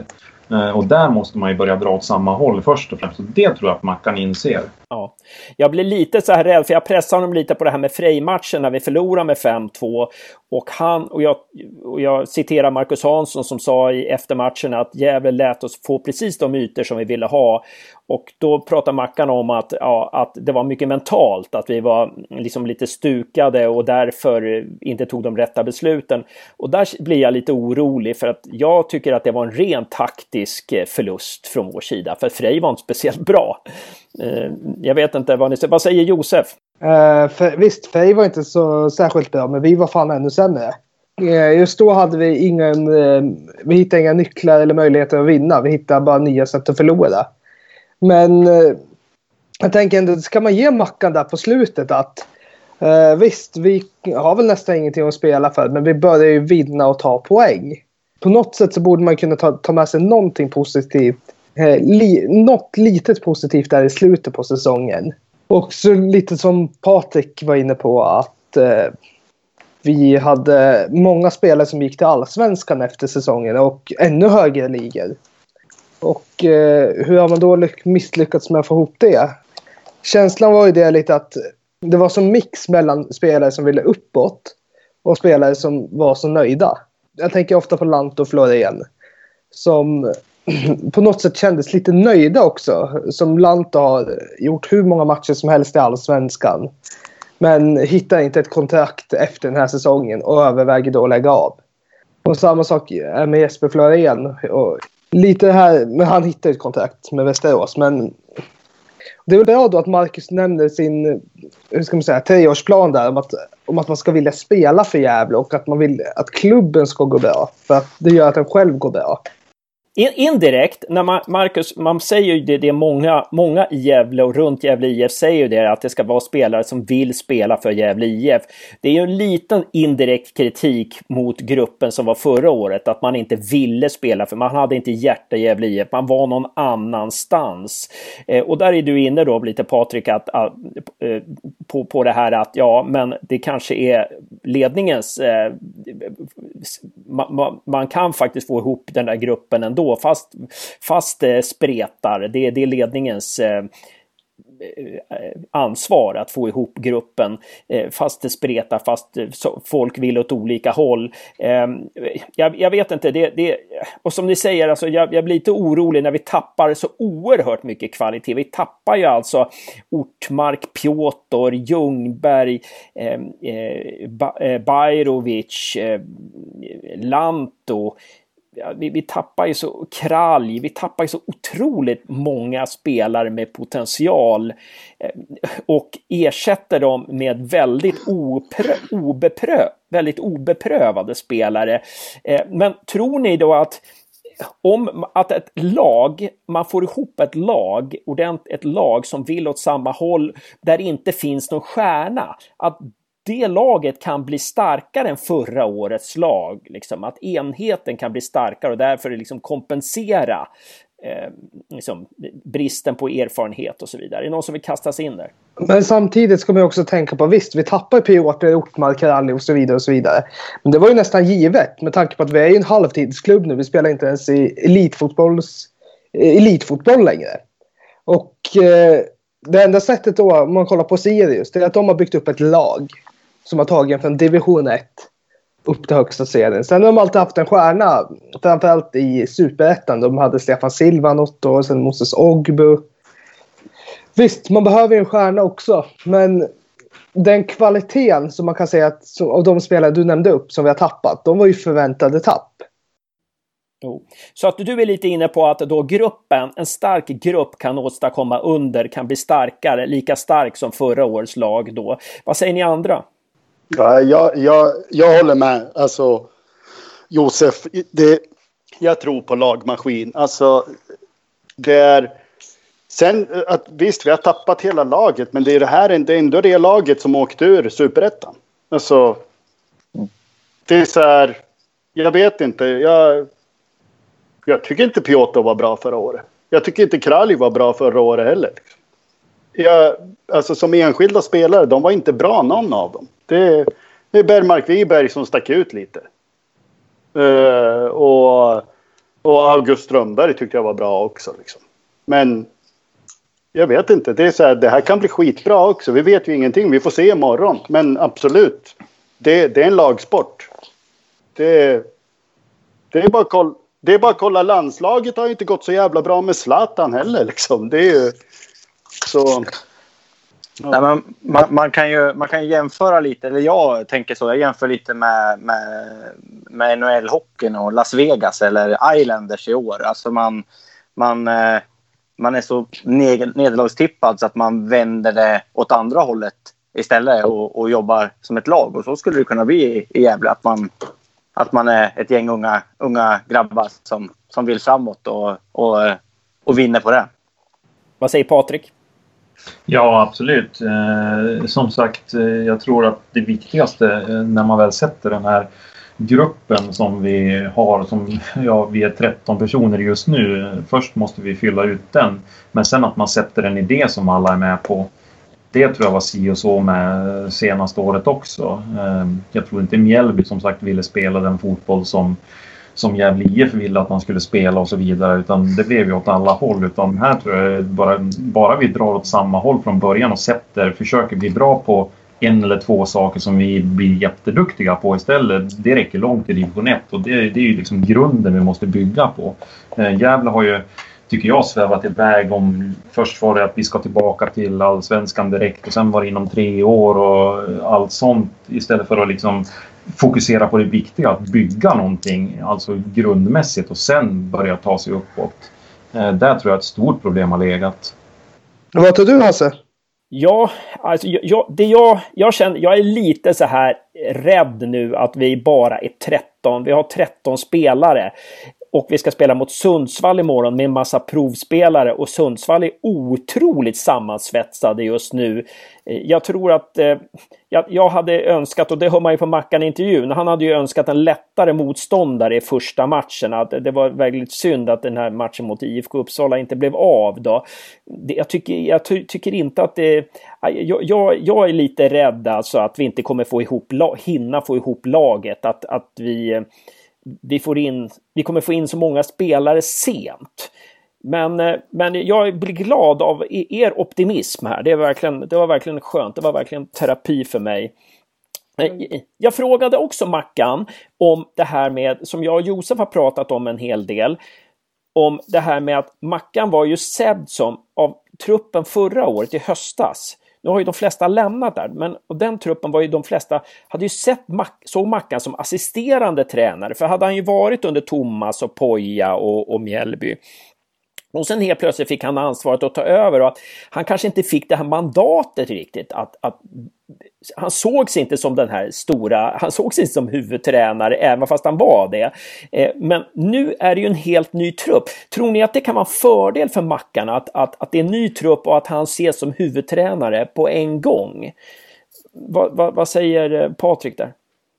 Jo, det är klart att det är lättare för honom att komma in eh, och bestämma så här ska vi göra. Det är absolut på det sättet. Eh, sen får vi se. Eh, jag tror det sitter mycket ändå i hur, alltså om truppen köper spelsättet som Mackan kommer att lägga fram. Och, och det tror jag att de gör, för det är ju alltså, det är ju han som värvar hit spelarna nu. Så att eh, jag tror absolut att det finns mycket, mycket, alltså det finns mycket bättre förutsättningar för honom att, att bedriva sin fotboll nu och leda gruppen på det sättet. Mm. Någon annan som vill kastas in? Uh, alltså jag tror inte vi ska fokusera den här säsongen på placering överhuvudtaget. Vi, vi, vi ska hålla oss kvar i division 1. Och vi, och vi ska spela in en, ett, ett lag till nästa år. Det, det, det är liksom jag får den känslan när Mackan pratar också att, att det är den här, det här treårsprojektet som man pratar om. Liksom. Och jag, jag, tror att det är en bra inställning. Att man, man pratar inte om att vi ska upp i eliten genom fem år eller något sånt där. Han pratade om ett treårsprojekt. Och det är just för att få ihop ett lag. Så. Jag kan tycka att det är... Får jag bryta in? Jag kan tycka att det är lite dubbelt det där med att eh, att, vad fan. Alltså, man måste tänka, vi kommer ovanifrån. Vi är ändå det, det enda laget som kommer ovanifrån i år till division 1 norra. Och eh, vi går in med inställning av att vi ska försöka hålla oss kvar. Eh, man måste också tänka på, kommer ett lag ovanifrån så har man alltid mer respekt för det. Och då måste man kanske sätta, jag kan väl tycka att man måste i alla fall sätta en lite större prägel än att säga att vi ska hålla oss kvar oavsett om det är ett nytt lag eller inte så är ju fortfarande är vi fortfarande störst på det sättet. Ja, klubben ja. Men när, när det är en helt ny trupp. Jag kan det... Ja, jag tror att man har lärt sig från, från förra året att man, man, vill inte, man vill inte gapa för stort. Liksom. För att då, då är det lätt att man, man faller igenom. Utan man, man vill inte ha den pressen på sig kanske riktigt. Jag, jag Alltså jag får så lite känsla av att det var lite läger i laget förra året. Jag tänker på när vi var nere till Värnamo och jag intervjuade Sebastian Sandlund efter matchen. Så, så poängterade han, det var som att han ville liksom verkligen understryka att Mackan gör det bra. Att, att eh, Mackan har fått igång oss, Mackan har gjort det här liksom. Medans så tolk, men när Mackan uttalar sig så liksom att laget spreta och att när, när ledningen säger att alla ska vilja spela i Gävle. Det kändes som att det, inte, det var vissa då som inte ville spela i Gävle. De spelar för sig själva istället. Eh, att, att, att det var något sånt. Och i så fall så är det ju väldigt eh, bra om vi kan få ihop det här laget alltså. Eh, och, och, och ja, eh, det, det, det, tycker jag skulle vara väldigt bra. Men, men när, när vi kommer in på nästa säsong då. Jag pratar ju också lite med Mackan om hur ska vi spela? Han är ju ganska... Han är, han, han är ju inte så specifik om hur vi ska spela riktigt. Eh, eller hur, hur tolkar ni det? Eh, vad säger Andreas? Fick du några liksom bilder där eh, hur, hur, hur Mackan vill att vi ska spela i år? Nej, men han, han säger att han vill spela alltså, med samma spelsystem som han spelade med förra året. Alltså att, att han har en forward eller hur man nu ska se det, tre forward i, i, i, i offensiven. Men eh, alltså det, det viktiga, jag, alltså man kan leka med siffror hur som helst, men det, det viktiga är ju att, man, man, att Gävle sätter sin press och att man fyller på in i straffområdet när man, när man anfaller. För att förra året så det kunde vara en eller två gubbar där inne och då, då gör man inte mål. Det, det är ju så. Eh, sen tycker jag att han är ganska, om vi får gå tillbaka till förra säsongen, så är han ju ganska tydlig med var, var pressen inte funkade förra året. Att, eh, att han, han säger ju att längst ner så, så, så var den som sämst. Eh, han, säger, han, säger, men, eh, han säger att första pressen var ganska bra, va? men sen så mm. när de väl hade spelat förbi och vår första press så funkar det inte sen. Var det inte någonting sånt där? Ja, precis. Så att, det, men alltså, jag, de måste ju pressa som ett lag och det tycker inte jag man gör förra året. Utan ganska ofta så är det en gubbe som går och så fyller de andra inte på. Och då är det ju, då är det ju dödfött att försöka pressa om man inte har, har någon timing eller någon med sig. Då springer man ju ihjäl sig istället. Så att, äh, det är mycket som behöver sitta i Gävle IF. Danne, någonting som du, hur uppfattar, någonting som du vill lägga till där om, om hur du uppfattar Mackans uh, spelsätt? Alltså, jag vill avvakta lite och se hur det ser ut imorgon. Alltså, först och främst. Men annars så tycker jag väl ändå att det, det är väl bra att man går in och är konsekvent. För det var vi inte förra året överhuvudtaget. Liksom. Det, det, det fanns liksom, halva säsongen var ju ett spretande, jag vet inte fan liksom. Och, så jag, jag gillar väl någonstans att han, han pratade om att vara någorlunda konsekvent. Eh, Josef, någonting där? Hur uppfattade du? Jag kan väl tycka att eh, det var rätt tydligt med vad han ville ha ut av laget. Han ville fortfarande bygga på sin 4-5-1. Och sen som han sa, att beroende på vilka spelartyper de får in. Så det känns ju nästan som att, eh, att han... För att inte missäga sig i podden så säger han att, eh, det är kanske lite att han letar efter spelare med andra kvaliteter eh, än eh, vad som kanske passar exakt en 4-5-1. Men för att eh, inte blåsa deras chanser så eh, garderar han sig och säger att, eh, att det kan bli förändringar. Och absolut, jag tror att de, det är no säkert några spelare de hellre skulle vilja ha än vissa andra och försöker vänta in. Uh, det är vad magkänslan säger.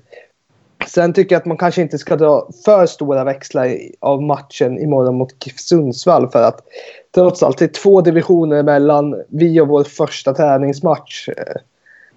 Man kan nog inte förvänta sig att vi ens ska vinna eller göra nej, ett nej. mål nästan.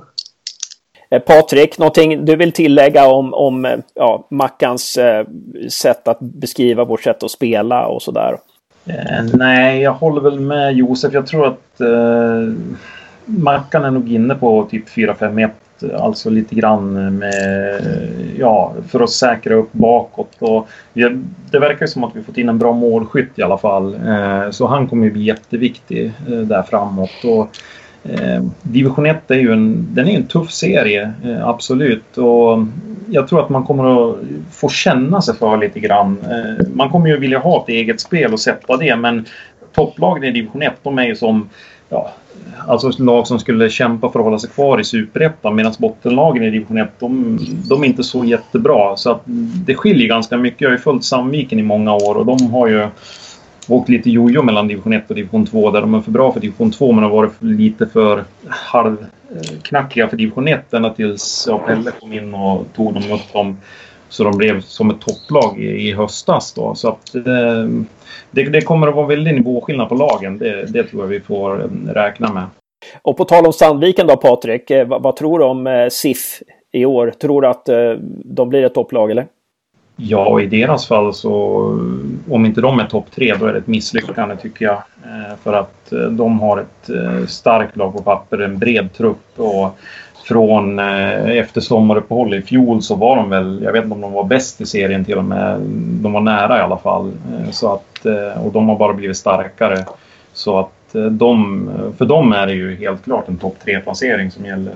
Absolut. Mackan säger ju också att det har öppnat upp sig på spelarmarknaden. Det, det låter ju intressant och det låter som om han menar att det finns flera bra spelare tillgängliga nu som vi kan hugga på. Eh, och eh, vilken nivå är det på de spelarna? Var, i vilka klubbar? Är det någon som vågar sig på ett namn? Eller var, var tror ni att eh, Mackan menar då att det öppnar upp sig? Var, varifrån kommer vi? Eh, var tittar vi mest? Är det någon som vågar kasta sig in där? Eh, jag tänker, det är bara att kolla på Julio till exempel. Eh, äh, brassen vi har. Eh, han har varit och provtränat med J Söder i slutet på förra säsongen. Det gör att han ändå har varit i superettan, i elitfotbollen, han har varit i Mariehamn. Det blir automatiskt att han då skannar av marknaden för högre nivåer.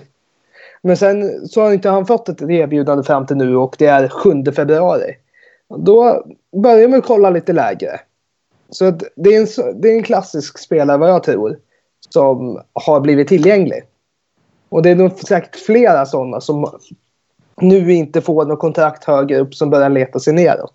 Någonting där, Andreas, ehm, vad tror du? Var tror du vi letar?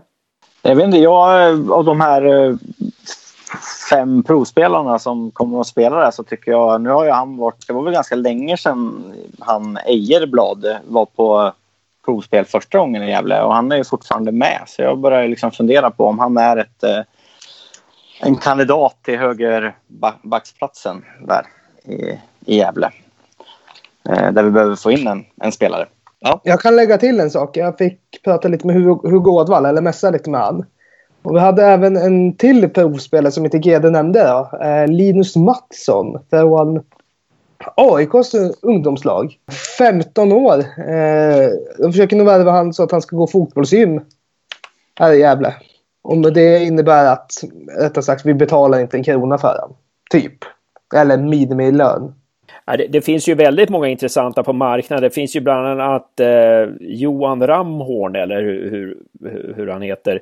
Eh, han som tillhörde Kalmar förra året och som var utlånad till Åtvidaberg året innan och spelar 25 matcher för Åtvidaberg. Och spelar Gais året innan, 21 matcher. Och han är ju, han är ju bara 20, fyller 23 år i år, så att det är en väldigt meriterad försvarare. Så att det finns ju ja, det finns ju många bra spelare på marknaden som vi verkligen kan... Jag, jag, tyckte nästan de här spelarna som man räknade upp i GDAB nu i eftermiddag, jag tyckte nästan de såg lite svaga ut. Jag tänkte att eh, ska, kommer de här verkligen platsa? Eh, vad säger Danne och Patrik? Eh, någon, var, var, någon spelare som ni skulle vilja se, eller som vi tror vi hugger på, eller var tror ni att vi letar? Jag har ingen större koll på spelarmarknaden. Om jag, om jag ska vara ärlig. Det, det är så här, jag, jag fick lite känslan av de spelarna som är här förutom Julio då. Men vi letar i, i, liksom, i lägre divisioner känns det som. Jag tror det är svårt att hämta spelare från, från någon högre division liksom. Patrik? Nej, jag har väl heller inget namn sådär som jag kan säga. Däremot kan jag väl säga att jag tycker att eh, de spelarna vi har faktiskt har fått in, de tycker jag ser intressanta ut eh, på pappret. Däremot behöver vi väl ha in en fyra, fem till kanske, eller ja, minst tre i alla fall.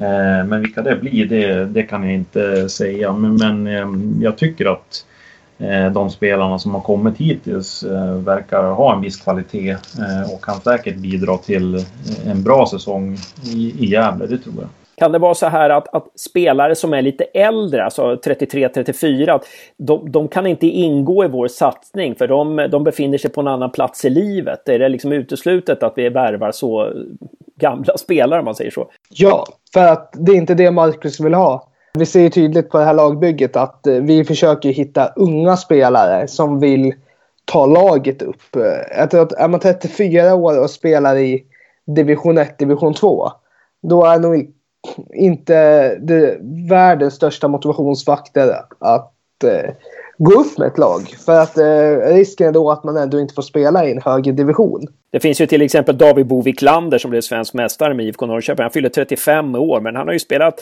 med, sedan dess har han spelat med Hammarby och Göteborg, Göteborg två säsonger. Då, men han har ju inget kontrakt till exempel. Eh, så du Josef, du tror att det är eh, chanslöst att han kommer att ansluta? Ja, eh, han har på tok för bra CV för att gå ner till division 1. Uh, han har inte varit uppe i den här regionen. Uh, Stockholm var han ju ändå i. Men nej, alltså man måste också tänka på, lärde jag mig i Andreas Haddads självbiografi, att när vissa spelare har vissa klubbar på sitt CV så blir de nästan, de blir värda mycket mer och nästan untouchable. Så han har väl nog aldrig en chans på. Jag tror att om vi ska hitta gamla spelare så måste vi kolla i superettan typ. Jag tycker vi hamnar oftast också så här med allsvenska spelare som Johan Ramhorn tillhört Kalmar, spelar jättemycket i superettan. Ja, han kommer ju hitta någon klubb till slut. På i alla fall superettan-nivå. Nej, men intressant. Det gick ett rykte nu att Lanto tränade med Gävle idag. Eh, som. Titan skrev på forumet. Vad säger Josef om det? Det stämmer. Eh, jag, pratade, jag frågade Hugo om det också. Han sa att han ville hålla igång tills han flyttar den 28 mars. Okej. Okay. Så att... Eh, han har inte ångrat sig alltså? Tills han flyttar, tills han flyttar till Ockelbo. 28 mars. Nej. Ja, det verkar inte som det. Utan det är väl också att Gävle behöver upp, ha in lite, lite mer kvalitet för att höja träning eventuellt i nuläget. Om, om vi säger så här då, vilka, vilka spelartyper ska, behöver vi få in nu? Vilka slags spelar, vilka kvaliteter måste de ha, de här spelarna som kommer in nu? Om vi säger att det är min sista fråga så får vi se om, det, om, det, om ni har några, några fler reflektioner efter till Mackan-intervjun eh, där. Men vilka spelare behöver vi få in nu? Eh, först och främst. Vad, vad, säger Danne? Inga namn tänker jag på, utan man spelartyper och... Alltså, jag vill... Jag vill ha in... Jag vill ha in en till mittback. Vill jag ha.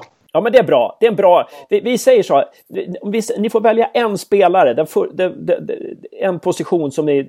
Om ni skulle få välja en spelare som Gävle ska ha in nu, då väljer du en mittback. Eh, jättebra. Patrik?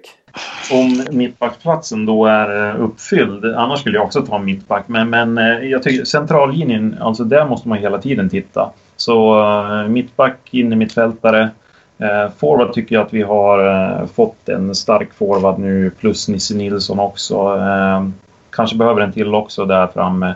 Men, men eh, centrallinjen, någonstans där, alltid centrallinjen. Andreas? Ja, vi har ju ingen högerback så att en, en speedig, modern eh, högerback med, med bra inläggsfot. Ja. Josef? En väldigt snabb ytter eller forward. Det, det, är faktiskt, jag håller med om det. Jag tänkte också säga det. Jag, jag, jag skulle vilja ha in en forward. Eh, en snabb forward, en bra djupledslöpande forward. Jag skulle helst vilja ha en forward eh, som, som liksom lyser upp och som gör att det, man börjar tro att wow, det här laget eh, med, med både Grace, med Grace Tanda, Nisse Nilsson och den här nya spelaren, då kan vi verkligen bli farliga. En, en spelare som lockar andra spelare till klubben. Det, det, så skulle jag vilja ha. Eh, men om vi avslutningsvis då, eh, jag har två saker. Jag tänkte att ni ska få tippa matchen imorgon också Eh, mot GIF Sundsvall. Men innan dess, någon mer reflektion efter Mackan-intervjun som ni har gjort där? Eh, jag vet att Andreas har gjort lite anteckningar. Någon mer reflektion som du inte har fått dela med dig av? Nej, men jag, jag, jag, jag, vill liksom, jag tror att man behöver prioritera ett läger i Gävle på försäsongen. För att, eh, nu hade vi inte det förra året och, och nu sitter vi här och så pratar vi om att, att truppen ja, inte kom ihop sig riktigt. Och Mackan pratar ju om, om det också. Så jag tror att man, man kanske behöver prioritera det och man behöver kanske inte åka till Sypen. Man kan åka till Halmstad. Nej, men, alltså att man gör saker på försäsongen utom fotbollen liksom, för att bygga, bygga laget. Eh, tror jag är viktigt. Josef? Jag satt och tänkte lite på det här med eh, Sandviken när du nämnde Samuel Gusman. Eller när du nämnde Pelle Olsson här för mig. Jag tänkte på den här övergången för det kanske inte var med så mycket i intervjun. Men det här med Samuel Gusmans övergång till Sandviken. Och som jag har sagt till dig tidigare att Sandvikens lag i år tycker jag är lite lätt överskattat. De har Emil Belander som är otroligt, otroligt skicklig. Men annars, vadå? Det är en massa jävla rejects som har gått dit. Och en Gusman som vi har höjt i skyarna. Men som egentligen, vad har han gjort? 15 matcher. Tror att han är världens bästa mittback. Vill man bara lägga till det att Gusman att Gusmans eller Sandvikens värvning av Gusman är otroligt överskattad. Och att eh, det är bara vi som tror att han är så jävla bra och han själv. Men vad i ärligheten har han gjort? 15 matcher för ett lag som åker ur och har bland den sämsta defensiven.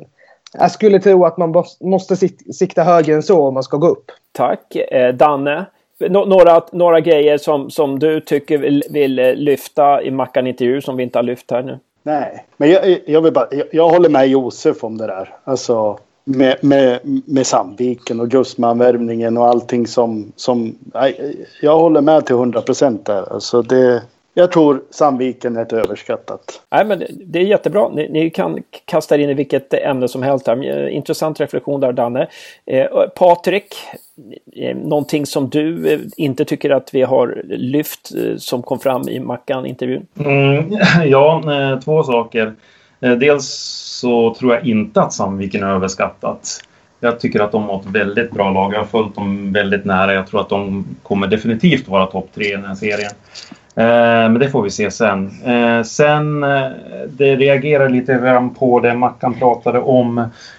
Att Gävles målsättning är att vara den mest utvecklande klubben, eller vad var det han sa? Just det. Den mest utvecklingsbara miljön i Sverige. Ja, precis, precis.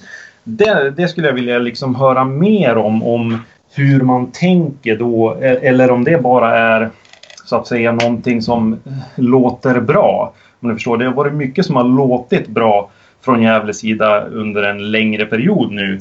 Men är det här någonting som man liksom verkligen kan sätta på pränt och så här ska vi göra för att få den här miljön? Eller är det någonting som man tycker, ja men det låter bra, det säger vi, vi kör på det ungefär.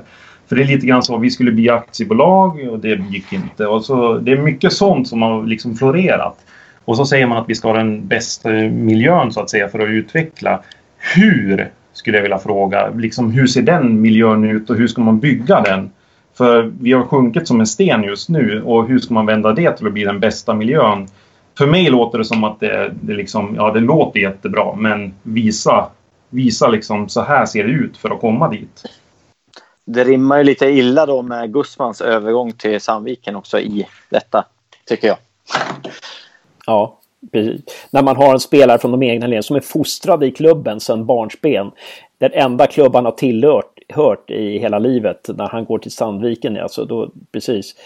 Det, det, det är lite... Så att det du undrar Patrik, där, det, du, det, det du skulle vilja ha svar på, är det bara floskler eller finns det faktiskt eh, en, en handlingsplan? Ja, jo precis. Det, för det låter ju väldigt bra. Det skulle vara fantastiskt bra om det var så. Men eh, som sagt, det, det, jag skulle vilja se eh, en plan för hur det faktiskt ska se ut i Gävle. Eh, för att man ska tro på det. För annars är det bara en floskel. Jag, jag är lite rädd att för, för det som jag har sett nu sen alla spelare har lämnat Gävle också. Det är att de tar som stolthet i att de, de har gått till höga divisioner. Om, om det är det de om det är det de menar med det. För att jag, jag, jag vet inte riktigt heller. Jag, jag, kan inte se vad det är de menar, absolut inte. Det, det...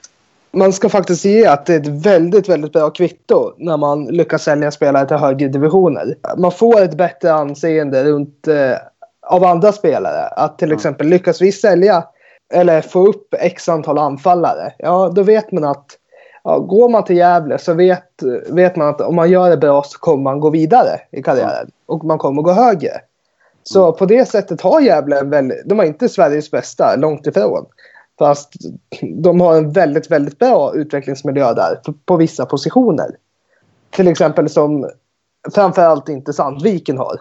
Eh, sen kan jag känna att han, eh, när han, eh, Mackan lyfter fram det här att, att Bajrovic går till Grekland. Jag, jag, känner lite att han hade kunnat lyfta andra spelare där som Adam till exempel istället. För att jag menar, eh, Bajrovic var hos oss i, i ja, en halv säsong och sen Sen har väl han en väldigt bra agent som fixar kontrakt till Grekland åt honom. Alltså Gävle har ju inte jättemycket med det att göra egentligen. Att, eh, att, eh, att Bajrovic går till Grekland. Sen är det ju fantastiskt att någon går till en högsta liga i Europa som är högst rankad. Men vi har ju inte utvecklat Bajrovic. Vi gav honom chansen i en mm. halv säsong. Det är intressant, det var intressant Patrik att du lyfte det här med den mest utvecklande klubben. För jag har också tänkt lite på det där. Alltså, Okej, okay, men, men det behöver ju inte betyda att man blir en elitsatsande klubb. Man kan vara jättebra, man kan hamna ner i division 2 och division 3 och vara jättebra på att utveckla spelare och jättebra ungdomsverksamhet och sådär. Men det säger ju egentligen ingenting om elitsatsningen, att man är Sveriges mest utvecklande, har Sveriges mest utvecklande miljö. Så att eh, jag är lite rädd sådär att vi vi, ha, vi kommer att få ha, ha en jätte jättebra organisation och ta fram bra spelare men vi har inga kvaliteter för att bedriva elitverksamhet. För att bedriva elitverksamhet så krävs det, krävs det någonting mer också. Ehm, det krävs otrolig spets för att kunna liksom, ta, sig, ta sig till toppen. Ehm, man ser ju nu när Mellberg lämnade BP, han tog upp dem till allsvenskan men utan Mellberg så tog de sig ju ingenstans. Eh, trots väldigt många bra spelare. Eh, för att jag är lite rädd också att om den här utvecklande miljön ska vara att laget är en språngbräda för spelare. Att bara gå igenom och bli utvecklade och sen alltså. Det är lite som du säger Hasse att det blir som vart ska vi befinna oss liksom? Vart, vilken division spelar vi? Det, det är det att får vi inte behålla spelare heller som vi utvecklar. Då är vi ju där vi är liksom. Jag kan ju tycka att man inte ska ha några spelare som vill det är väl min lite, lilla, lilla egna åsikt. Man ska aldrig ha spelare som vill vara i klubben eller på det sättet. Mm. Eh, som vi hade med, jag tycker framförallt Jonas Lant och på det sättet också Jesper Florén. Mm. Eh, som jag nämnt tidigare. Att man ska vilja bort från, från Gävle. Man ska alltid vilja nå högre. Jo. Och eh, om, det, om man då får ihop en grupp som alla vill nå högre. Ja, då vet man ju till slut att skulle man att eh, om truppen skulle då vara så bra och ta ett kliv upp en serie så har ju alla redan nått högre. Och man får då behålla en väldigt bra kärna. Det är väl det jag tror att Gävle är ute efter. Mm. Ja, det vore ju grymt. Ja, jättebra. Tack för alla era åsikter. Eh, helt fantastiskt. Nu ska vi avsluta med ett tips inför morgondagens, eller dagens match blir det. I och med att ni som lyssnar, ni lyssnar på när det är fredag och den här läggs ut några timmar innan avsparken klockan 14.00 eh, i Sundsvall, inomhushallen där. Vi kollar då, vad, hur tror ni att den här matchen slutar? GIF Sundsvall mot Gävle IF. Eh, Sundsvalls siffror först. Eh, vad tippar eh, Josef? Uh, Sundsvalls siffror först. Uh, 3-0. Danne? 4-0. Patrik? 5-0. Andreas Ström? Jag är, jag är på Josefs sida så jag, jag tar också 3-0 till, till Sundsvall. Okej. Då är jag eh, optimist här då. Optimistisk pessimist. Jag säger 2-1 till Sundsvall.